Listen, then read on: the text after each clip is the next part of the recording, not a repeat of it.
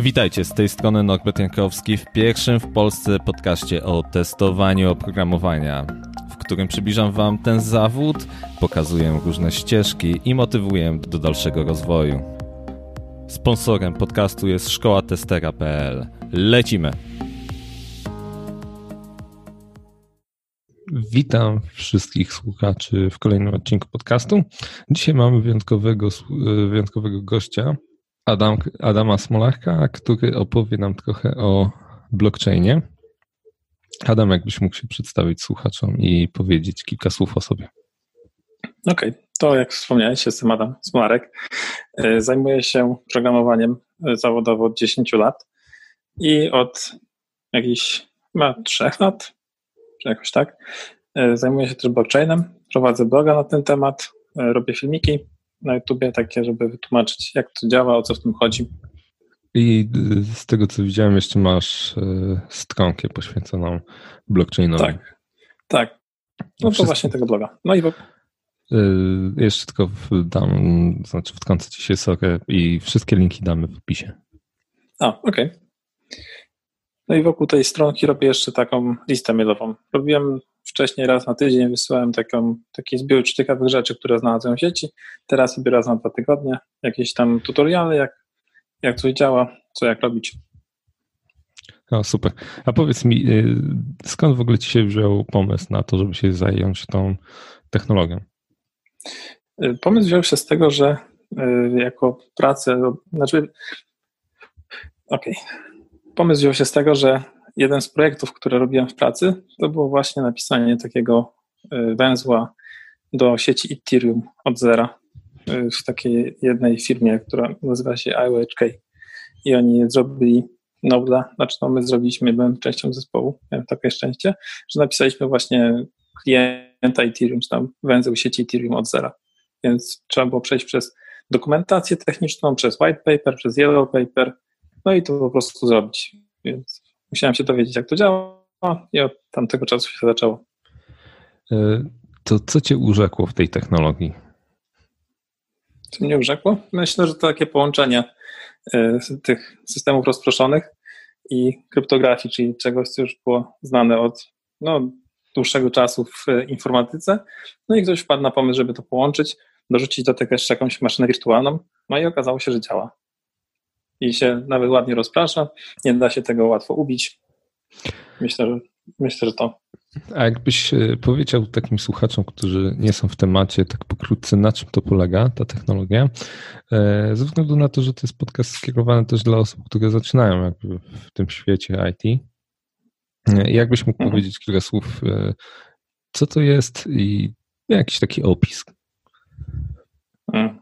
To jest, to jest taki internet, tylko że sieć zamiast obejmować wszystkie komputery na świecie, no to obejmuje tylko te komputery na świecie, na których jest odpalony odpowiednie oprogramowanie, na przykład ten węzeł i tiru. No i jak w normalnym internecie mamy strony internetowe, które sobie przeglądamy, no to w tym takim internecie wewnątrz blockchaina, czyli tam, tej sieci blockchain, jest no, taka struktura danych, czyli ten tytułowy blockchain złożony z bloków, które są zabezpieczone e, albo kryptograficznie, albo przez ilość zużytej energii elektrycznej. No i w tych blokach są transakcje. No i taka transakcja to może być informacja odnośnie tego, kto komu ile przelał coinów, może być informacją, kto ma zarejestrowaną jakąś domenę na DNS-ie. Różne rzeczy mogą tam leżeć. E, no i w sumie tyle. Taki internet, tylko obrębie internetu, w którym są przechowywane jakieś y, specyficzne informacje zabezpieczone przez kryptografię, przez podpis cyfrowy i przez y, proof of work albo y, proof of stake. Ta technologia Nie wiem, odpowiada na pytanie. Tak, tak, tak, tak. Natomiast chciałem pójść dalej i się dopytać, do czego jest najczęściej wykorzystywana. No, najbardziej znaną zastos- znanym zastosowaniem tej technologii blockchain to jest wpakowanie do tej struktury danych informacji o przelewach między dzisiaj a Krzysiem i zaimplementowanie na blockchainie kryptowalut, czyli Bitcoin, Ethereum i te wszystkie inne setki tysięcy, które istnieją teraz. ale ta technologia wchodzi też coraz bardziej do firm i coraz popularniejsze staje się wykorzystanie tej technologii jako po prostu kolejny sposób na przechowywanie danych bardziej rozproszony sposób, na przykład w jakichś konsorcjach, albo w dużych bankach, albo w firmach takich jak Ziaja. Też wykorzystuje sobie blockchain do rozliczania tych promocji między sklepami takimi detalicznymi a centralą. I to jest o tyle dobre, że tam w blockchainie są przechowywane jakby informacje na temat transakcji od początku. Mhm. Tak, jest to jedna z opcji. Okej, okay. i, mm, i te dane są ogólnie dostępne i znaczy w, dla osób w danym jakby. Dla osób w danej sieci. Tak, dla osób w danej sieci. E, właśnie dzięki to brakło mi tego słowa. E, natomiast z Bitcoinem właśnie jest związane takie przekonanie, że to jest do, do transakcji takich e, szemranych. Hmm? To jak to się ma właśnie do tego, że to jest do transakcji szemranych, a do tego, że to jest widoczne wszystko? Mhm. Znaczy, to, że to jest widoczne, to tam jest widoczne, to prawda, każdą transakcję da się prześledzić, bo każda transakcja jest publiczna i jest podpisana, no ale jest publiczny, publiczny jest tylko klucz publiczny, czyli klucz, który jest używany do weryfikacji podpisu cyfrowego. Ale ten klucz publiczny nie jest powiązany przynajmniej na tym, w tej sieci blockchain, nie jest powiązany z danymi osobowymi człowieka, który posiada ten klucz, albo bardziej mówiąc, z człowiekiem, który posiada środki zgromadzone na tym kluczu prywatnym, czyli na adresie portfela. Więc wszystko jest otwarte, jesteś w stanie prześledzić transakcje między portfelami, ale nie masz tego powiązania, no nie wiem, z dowodem osobistym czy z PESEL-em. Kumam. Czyli Więc... widzimy, że to jest, ale nie wiemy, do kogo to należy. Tak. No tak, ale to, ta szemraność i ta anonimowość jest dosyć iluzoryczna, dlatego że jeżeli na przykład zrobisz transakcję, powiedzmy kupisz sobie pizzę, już tą sławną, i ta pizza przyjdzie na konkretny adres, no to wiesz, że ten portfel na końcu zapłacił za tą pizzę, wiesz na jaki adres przyszła ta pizza, a że masz całą historię, no to jesteś w stanie wycisnąć z tego człowieka albo od kogo dostał te bitcoiny, albo komu je przelał już w takich bardziej y, tradycyjnych, policyjnych metodach śledczych. Okej, okay, no masz rację. No dobra, to poczekaj. To zostaniemy jeszcze przy Bitcoinie, bo kilka lat temu y, było dość tak. Y, był dość popularny i się mówiło, że tam już niedługo to w sklepach będzie można płacić bitcoinami. Mhm. Nawet chyba w Warszawie był um, maszynka do wpłacania taki wpłatomat bitcoinów, że można było wpłacić Aha. tam mm, złotóweczki i tam miało się ten jakiś ułamek tego mm, bitcoina. Natomiast to jakoś później ucichło, bo pojawił się problem w realizacji tych transakcji. Był um, czas potrzebny do zapisania czy przetworzenia tej transakcji był dość duży. Mhm, tak, bo, właśnie. Ze względu na to, że im dłużej jest Mm, dana sieć, tym ten, te tak zwane wykopanie czy wytworzenie tego kolejnego łańcucha zajmuje więcej czasu. Mm. No to nie jest tak do końca powiązane z wiekiem sieci. To jest bardziej powiązane tak technologicznie z mhm. ilością, z wielkością tej sieci. Sieć okay. może być stara, ale jeżeli ma mało węzłów, to ten czas na wykopanie bloku może być całkiem krótki. No z tym czasem na wykopanie bloku się wiąże no, to jest tak naprawdę trochę taka sztuczna inflacja tego czasu. Dlatego, że z uwagi na to, że mamy ten system rozproszony, mhm. czyli tą całą sieć, i ta sieć, no ona powinna w jakiś tam sposób w końcu przechowywać takie same informacje o transakcjach we wszystkich węzłach tej sieci, to jest potrzebny czas do tego, żeby po prostu te byte transakcji no, przepchać przez tą sieć. Okay. No, łącza między węzłami, no one nie są jakieś super dobre. Więc żeby móc rozpropagować na przykład to, że ja ci przelałem 3 bitcoiny, czy tam 0,3 bitcoiny, czy tam. Musimy mieć odpowiedni czas od jednego bloku do drugiego, po to, żeby ta, sieć, e, ta struktura danych, która jest przechowywana w tej sieci, się zbiegła. Żeby był ten convergence. Żeby w końcu każdy węzeł z sieci miał u siebie lokalnie pi razy drzwi tę samą wersję blockchaina.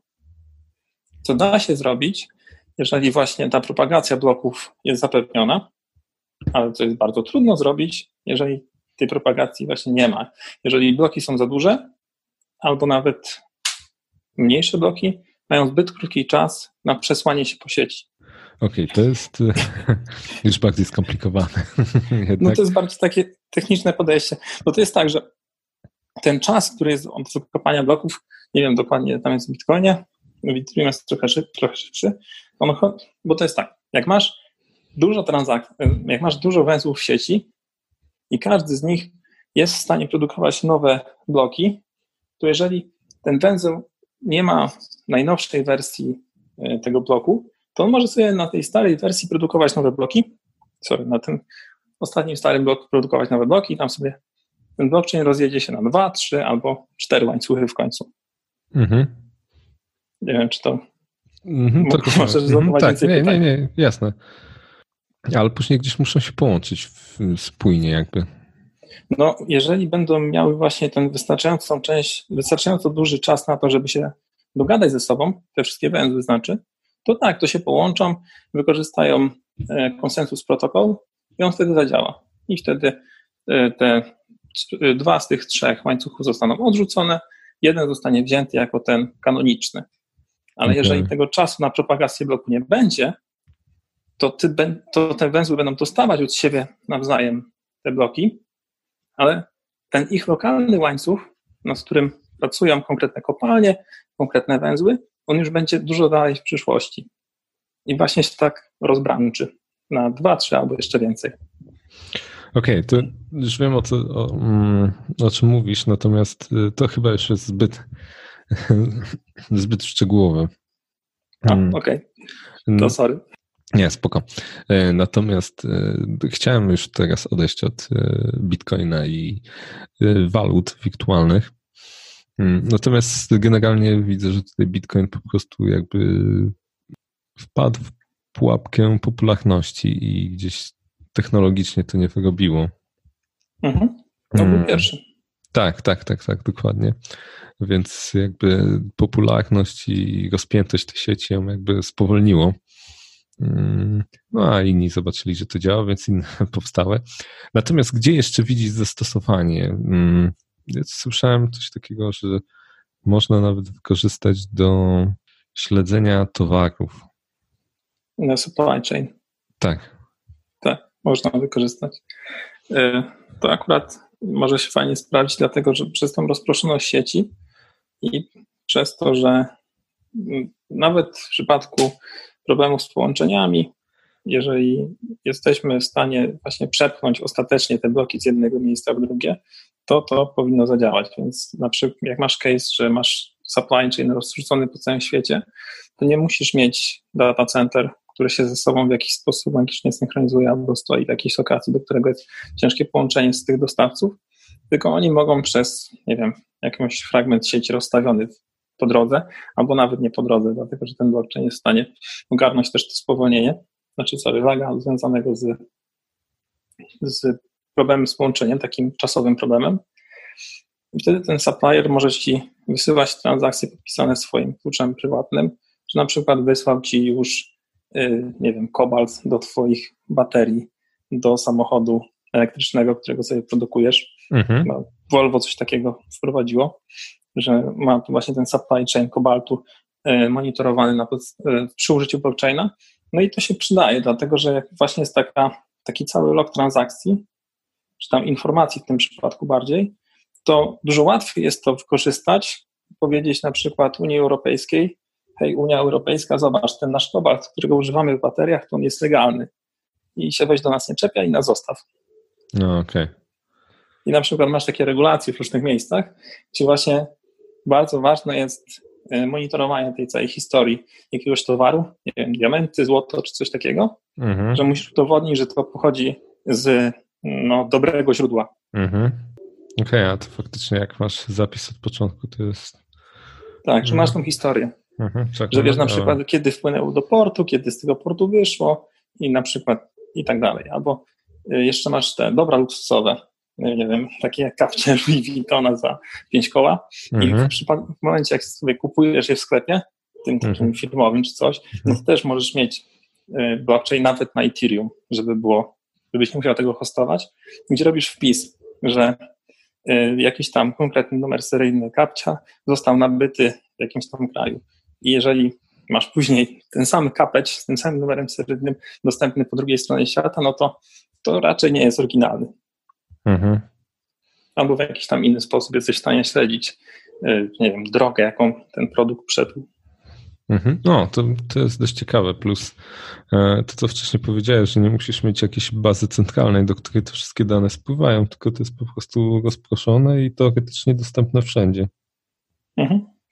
Że właśnie masz też, jeżeli powiedzmy, masz serwerownię, y, która ci spłonie, to mhm. też nie stracisz tych danych w dosyć łatwy sposób nawet. No, weźmy ten Ethereum. Chyba Alior Bank teraz zrobił, a propos jeszcze jakichś zastosowań, e, Alior Bank zrobił te dokumenty z chyba przechowywanie skrótów tablicy opłat mhm. na tym, na blockchainie Ethereum. Więc żeby coś skasować z Ethereum, no to tak jakbyś próbował skasować zdjęcie, które wysłałeś do internetu. No, może ci się uda, ale no nie bardzo. Mhm. Bo tych węzłów jest tyle, że tam kopia zostanie. No dobra, to załóżmy, że mamy mm, e, kopię transakcji bankowych e, rozproszoną, czyli no, dla uproszczenia powiedzmy, że są jakieś mm, pięć jakichś e, węzłów, które przy, przy, przytrzymują te informacje. Mhm. Czyli one są, te informacje są ze sobą zsynchronizowane. Mm, I teraz załóżmy, że spłonie węzeł piąty, to dane są nadal na czterech pozostałych. Tak, w takim tradycyjnym blockchainie, jak na przykład Ethereum, każdy węzeł ma swoją własną kopię. No i teraz, żeby te banki nie mogły tam nic pomajstrować, to te informacje, które są tam zapisane, są zabezpieczone podpisem cyfrowym. Dobra, to są podpisane tam, e, tam cyfrowym podpisem. Wiemy, że to jest, zgadza się, a jakby ktoś próbował manipulować tym. Mm, masz na myśli, mimo tego, że ten podpis tam jest, mm tak. usunąć ze środka coś. Tak, tak, na przykład. A, albo okay. nadpisać, albo zmienić. Tak. To taki case też jest obsłużony. Dlatego, że blockchain, to właśnie tworzenie tego łańcucha opiera się na funkcjach haszujących. To znaczy, że w środku bloku, jeżeli masz transakcję, to liczysz hash z wszystkich transakcji, które są w bloku i później w środku tego bloku jeszcze zapisujesz informację, jaki jest hash poprzedniego bloku. I w ten sposób masz taką, taki łańcuch haszy, które sobie masz obliczonych praktycznie od bloku Genesis, które są doklejane do tych kolejnych informacji. No i to jest dosyć silna funkcja hashująca, trudna do złamania, chyba SH3, w niektórych przypadkach SH256, gdzie mhm. zmiana jakiejkolwiek transakcji po drodze rozwali ten łańcuch dalej. Mhm. Więc I co się masz. Tak? No i co się wtedy dzieje, jak na przykład byś rozwalił taki łańcuch? Co się dzieje, jakbyś rozwalił taki łańcuch? No to się dzieje, że zostajesz wycięty z sieci. Dlatego, że no, już tak konkretnie na przykład Ethereum. Jeżeli zacząłbyś wysyłać jako węzeł sieci, dlatego że każdy może dołączyć. Mm-hmm, Jeżeli zaczniesz wysyłać bloki, które się nie zgadzają, to znaczy odwołują się do bloku, który nie istnieje na innych węzłach, albo mają coś nie tak z hashami, to taki węzeł w sieci jest automatycznie wycinany z komunikacji, jest blacklistowany, nikt z nim nie rozmawia, nikt, nikt z nim nie rozmawia i nie da się, no, jest po prostu wycinany z sieci. Mm-hmm, w ten sposób robić taki fork między tym jednym a całą siecią. A powiedz mi, jeżeli na przykład to jest hipotetyczne założenie, załóżmy, że jest, mm, są, jest pięć takich węzłów i trzy z nich próbują fałszywą informację wprowadzić. No to masz większość sieci, no to wygrałeś. Dlatego, że znowu jest ten split. I wtedy masz dwa węzły versus trzy. Więc jeżeli uwierzysz większości, no to ta większość wygrała. Aha, to okay. jest ten atak 51%. Mhm, okay. Że kontrolujesz ponad 51% mocy obliczeniowej sieci, czy tam węzłów sieci. Mhm. No to wiadomo, że przy dużych e, sieciach to jest niemożliwe, ale... No, no to zależy jak patrzeć.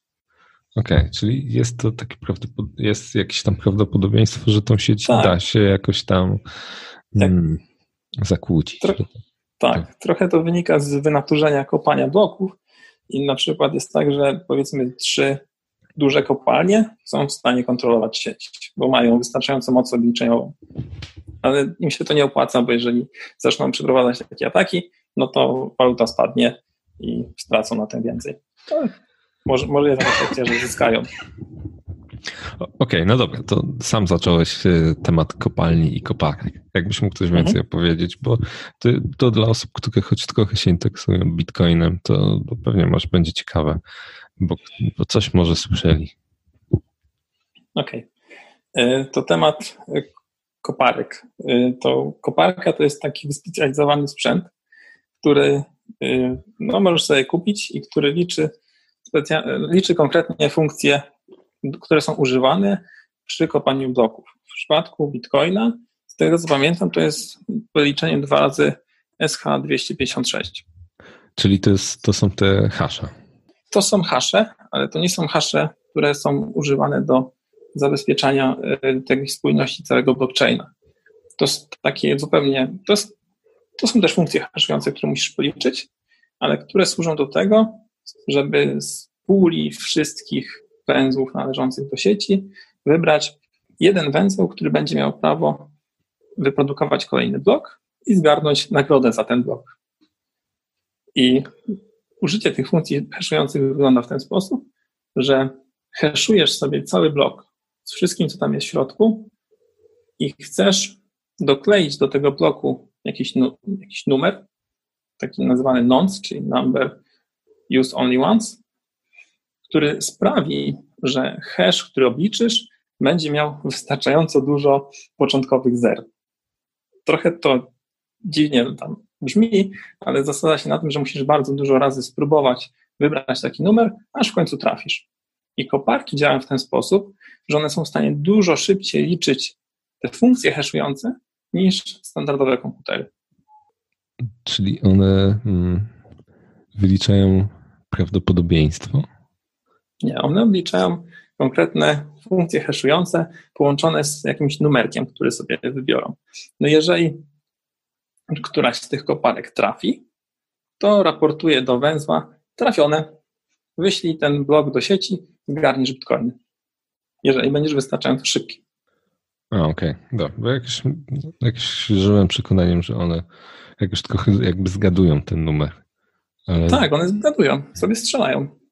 Ale A, okay. to nie wiem, może się dopowiedziałem coś. Hmm. No poczekaj, to zgaduję ten numer i e, potwierdzenie przychodzi z węzłu, że jest użyty, nieużyty taki numer?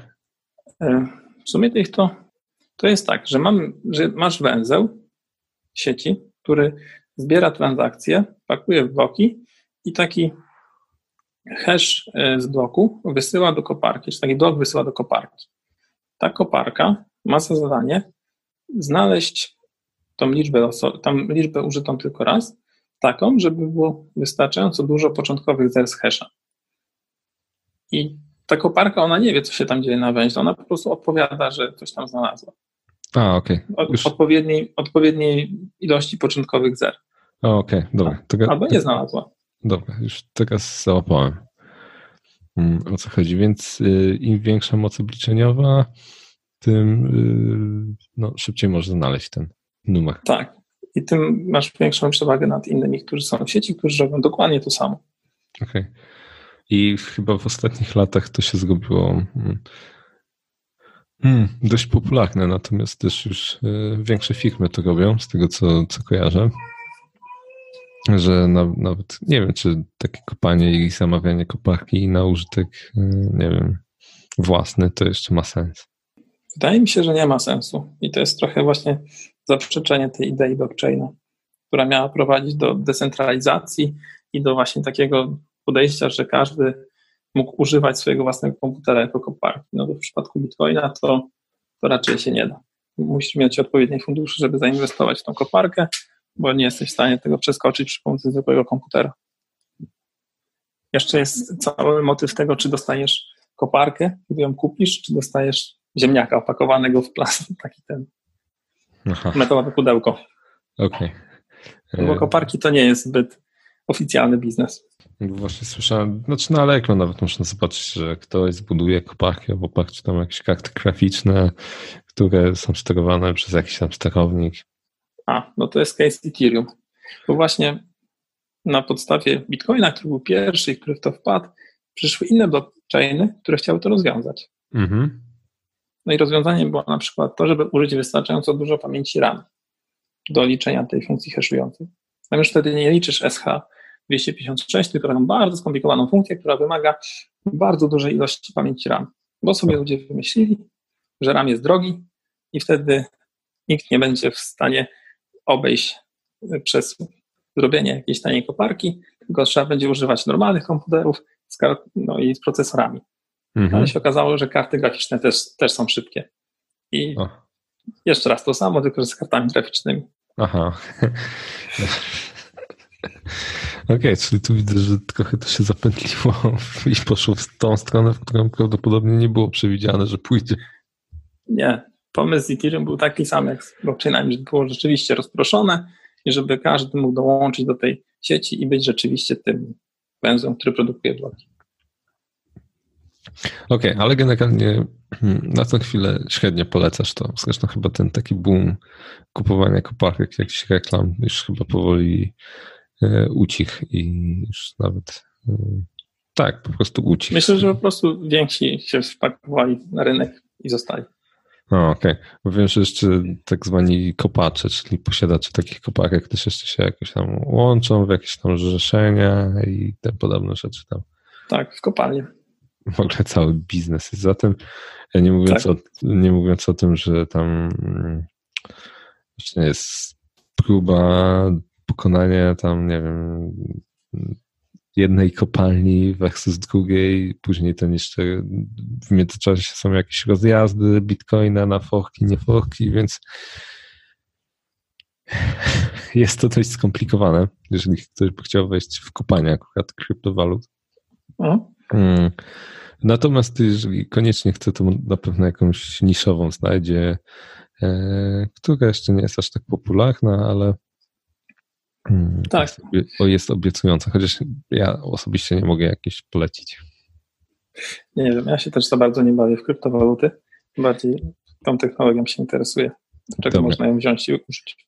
Dobra, natomiast y, to jest podcast o testowaniu. To powiedz nam, jak można taką technologię potestować?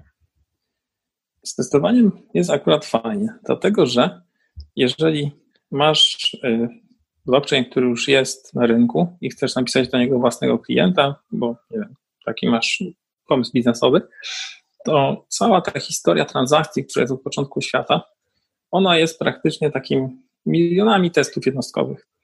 Dlatego, że możesz przetworzyć tą całą historię przy użyciu Twojego węzła i w ten sposób sprawdzić, czy rzeczywiście jak się włączy do sieci, to to wszystko będzie działać, czy wybuchnie, czy masz jakieś, corner, tam wszystkie corner cases, które możesz sobie wyobrazić, wystąpiły prawdopodobnie przez ostatnie 3-4 lata w Ethereum.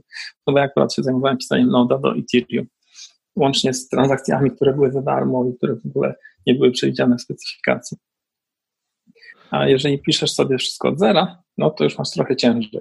Dlatego, że poza obtestowaniem samej technologii, że to wszystko się łączy, działa, to musisz jeszcze w jakiś sposób udowodnić albo przetestować, że ten model y, tych zachęt, który zaprojektowałeś, on sprawi, że ta sieć będzie działać, że tam będą przychodzić ludzie, będą to hostować u siebie i będą uczestniczyć w tej całej zabawie z blockchainem, jeżeli piszesz publiczny blockchain.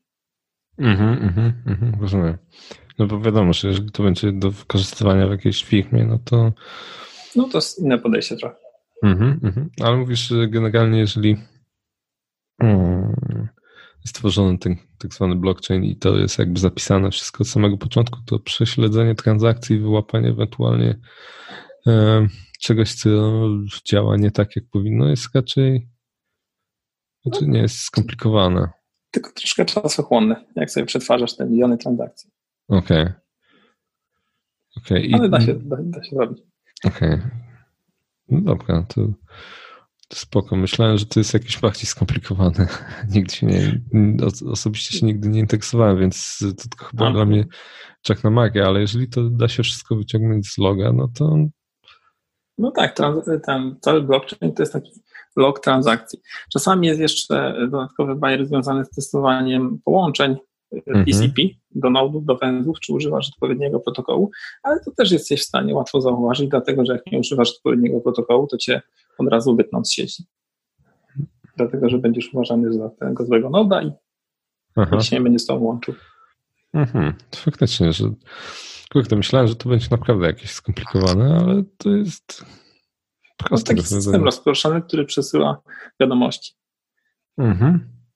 Tylko właśnie, bo to jest jeszcze taki, masz różne poziomy pisania na tym blockchainie. Możesz pisać samego, sam blockchain, samą tą technologię, a masz jeszcze smart kontrakty. Czyli coś, co działa już na, na jakby w tej sieci. Czyli jest odpala, e, kawałek kodu, który jest odpalany na każdym z węzłów, który należy do sieci. Okay. To też się da programować i testować. Mm, I do czego to może no, być wykorzystane?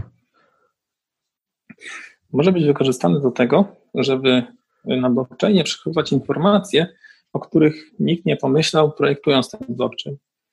I znowu tak będę to Ethereum, że masz standardowe wykorzystanie Ethereum, to jest przesyłanie tych coinów z jednego portfela na inny.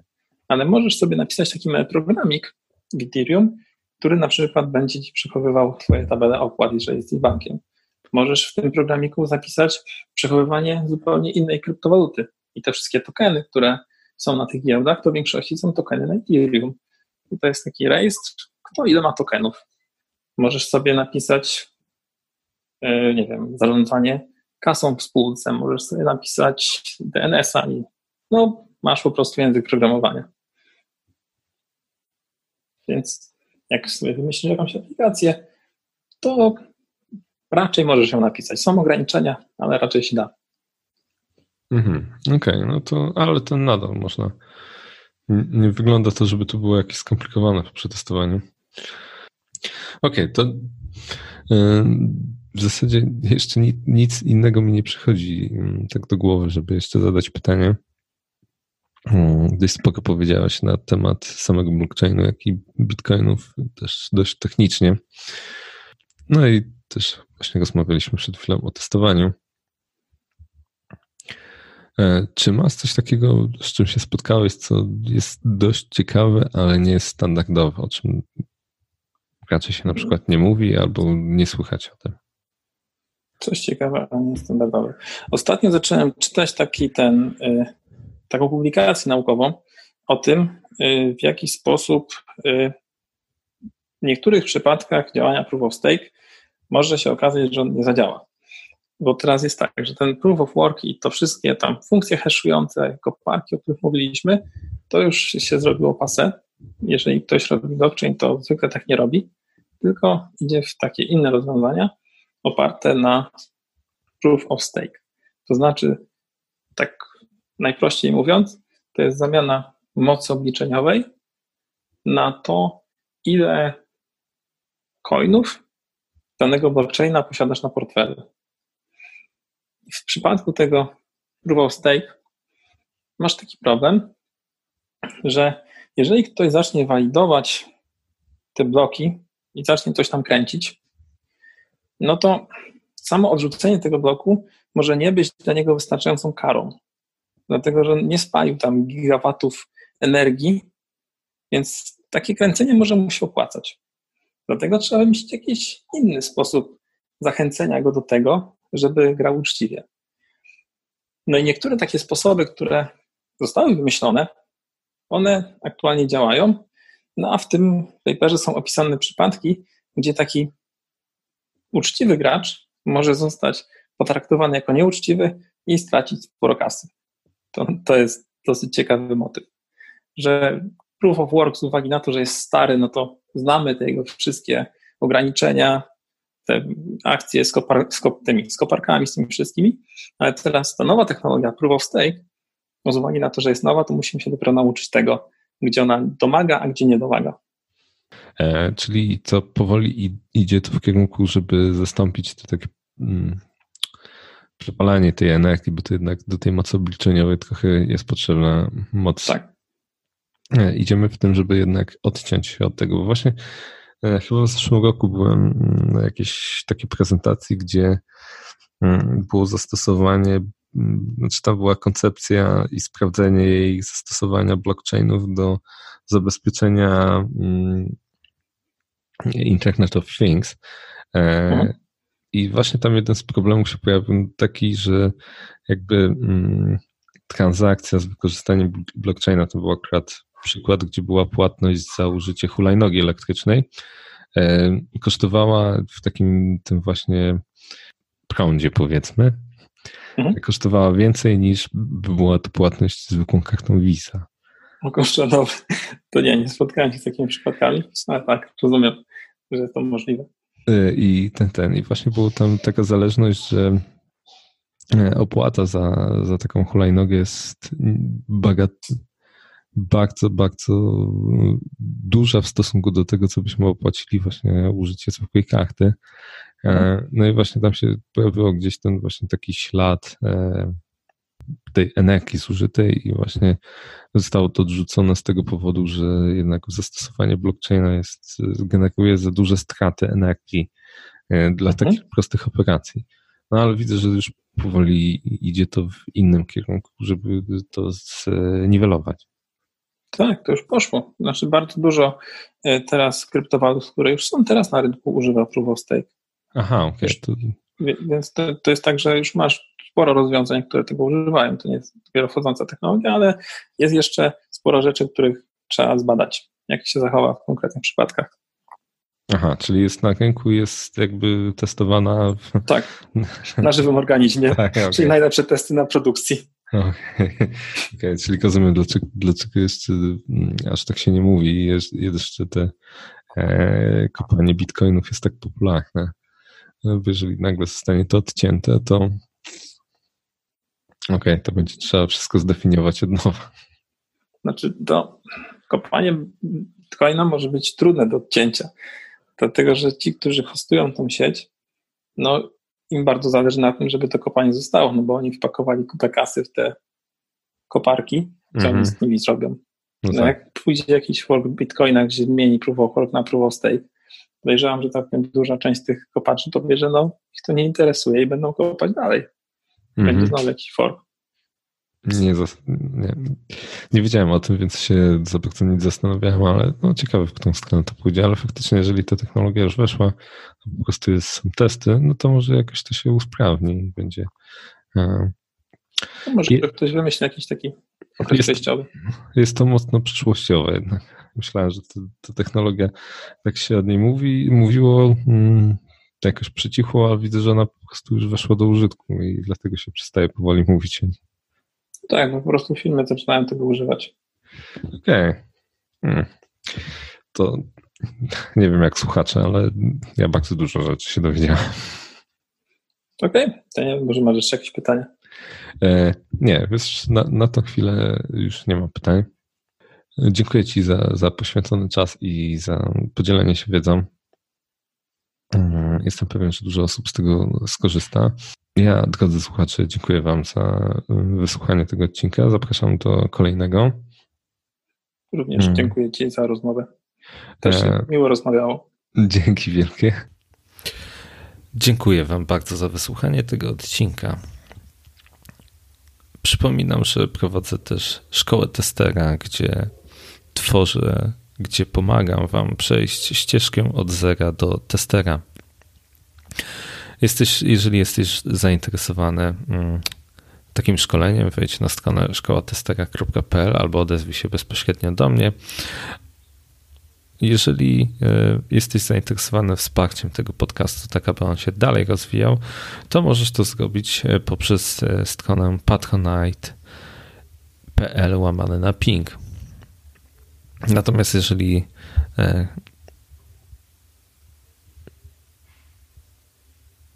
Natomiast jeżeli chciałbyś kupić fajną Natomiast jeżeli chciałbyś kupić fajną koszulkę, to za, zapraszam do sklepu fuckit.com.pl gdzie y, możesz zobaczyć moje wzory t-shirtów.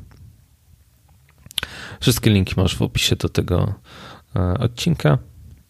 Dziękuję Ci za uwagę jeszcze raz i zapraszam do kolejnych odcinków. Dzięki.